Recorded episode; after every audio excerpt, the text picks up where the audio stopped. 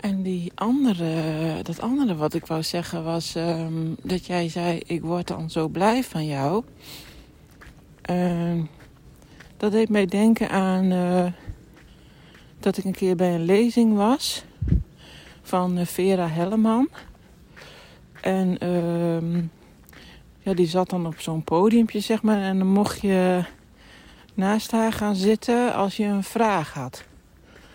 En ik had een vraag. En, uh, dus ik had mijn hand opgestoken. Ik mocht daar naartoe. En ik uh, loop daar naartoe. En toen zei ze meteen al van...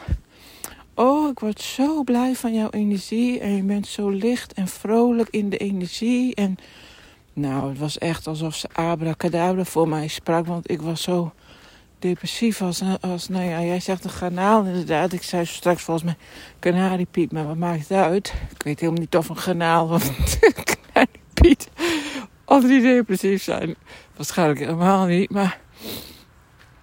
Um, maar ik voelde me juist heel zwaar en ik was juist heel erg zo van wat doe ik hier op deze aardbol en wat heeft mijn leven nou voor zin en wie Waar is het fout gegaan? Waarom ben ik hier? Oh, ik moet een weg oversteken met de auto's. En uh, dus ik snapte daar helemaal niks van hoe ze dat nou zo kon voelen. En toen uh, zei, uh, oh ja, dan mocht ik me vraag stellen. En ik had dus de vraag van, kun je ook heimwee hebben naar um, naar uh, waar je vandaan komt uh, voordat je in dit uh, leven kwam. En toen zei ze, nou, ik denk dat het heel anders zit, want het is niet zozeer heimwee, maar um, dat je, niet dat je dus weer per se graag doden wil of zo, maar dat je um, graag die verbinding wilt voelen die je die er in de ziel of in het energetische, of hoe je het maar wil noemen, aanwezig is. Dat, je altijd, dat je je daar altijd verbonden voelt. Als mens voelen we ons vaak afgescheiden. Maar in het energetische deel is alles en iedereen met elkaar verbonden. En die verbinding, die mis jij nu af en toe.